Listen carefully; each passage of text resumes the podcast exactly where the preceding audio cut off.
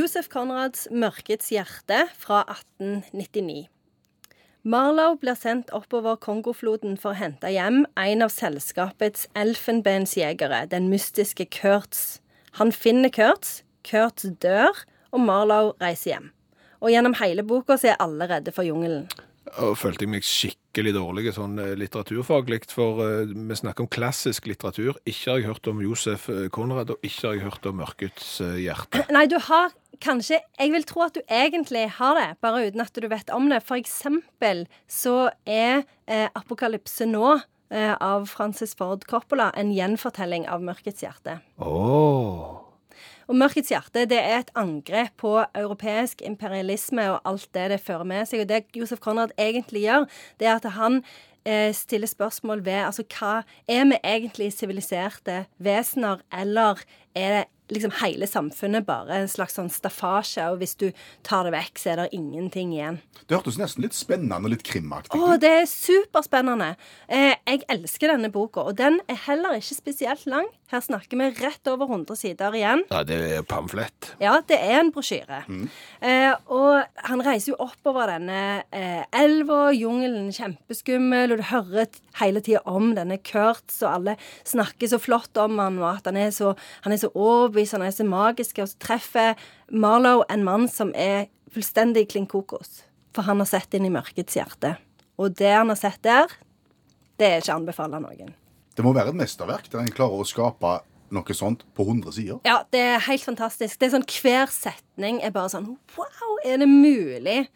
Og denne reisen oppover eh, eh, Kongoelva og, og denne her Kurtz-figuren og alt dette er jo ting som har eh, blitt brukt i, både i, ikke bare i Apokalypse nå, men òg ved veldig mange andre filmer og fortellinger. Så hvis du først har lest denne boka, eller nå hørt oppsummeringen av han på radio, så vil du kjenne han igjen veldig mange steder. Og dette her med tanken om mørkets hjerte er jo òg noe som folk refererer til stadig vekk. Men denne spalten her skal jo være oppsummering av klassisk litteratur for oss som ikke har hatt gidda eller anledning til å, å, å lese de. Og, og så plutselig er det en bok som vi ikke har hørt om. Eh, det, hvorfor det? Det er jo eh, kanskje, kanskje denne spalten kan ha en ekstrafunksjon, en slags sånn bonusfunksjon, om å eh, bringe klassikerne ut til folket. For det er ei helt fantastisk bok, og han er jo oversatt til norsk òg. Veldig, veldig fin oversettelse. Eh, så, så det er jo en av de bøkene som jeg faktisk vil anbefale folk å lese. Og hvor skal vi imponere når vi har lest den? Jo, altså, jeg har en eh, opplevelse av folk som har brukt denne for å imponere. Og det var ei som prøvde å sjekke opp mannen min på en fest. Hun tok opp Josef Konrad, og så tok han jeg sa ja, Josef Konrad, ja, han liker jeg òg veldig godt. Og så sa hun å, du er konradianer, akkurat eh, som meg. og, da, og da var jo det på en måte Så jeg ikke han Skal ikke legge deg ut med konradianerne. Jeg husker hun var konradianer og var veldig interessert i flagg. I flagg. Se for deg det visittkortet. Opptatt av flagg og aktiv konradianer. Ta gjerne en tur opp Kongoelva og et glass vin i ny og ne. Er det noen sitater? Ja, ja, ja. og det, det siste Kurt sier, det er veldig kjent.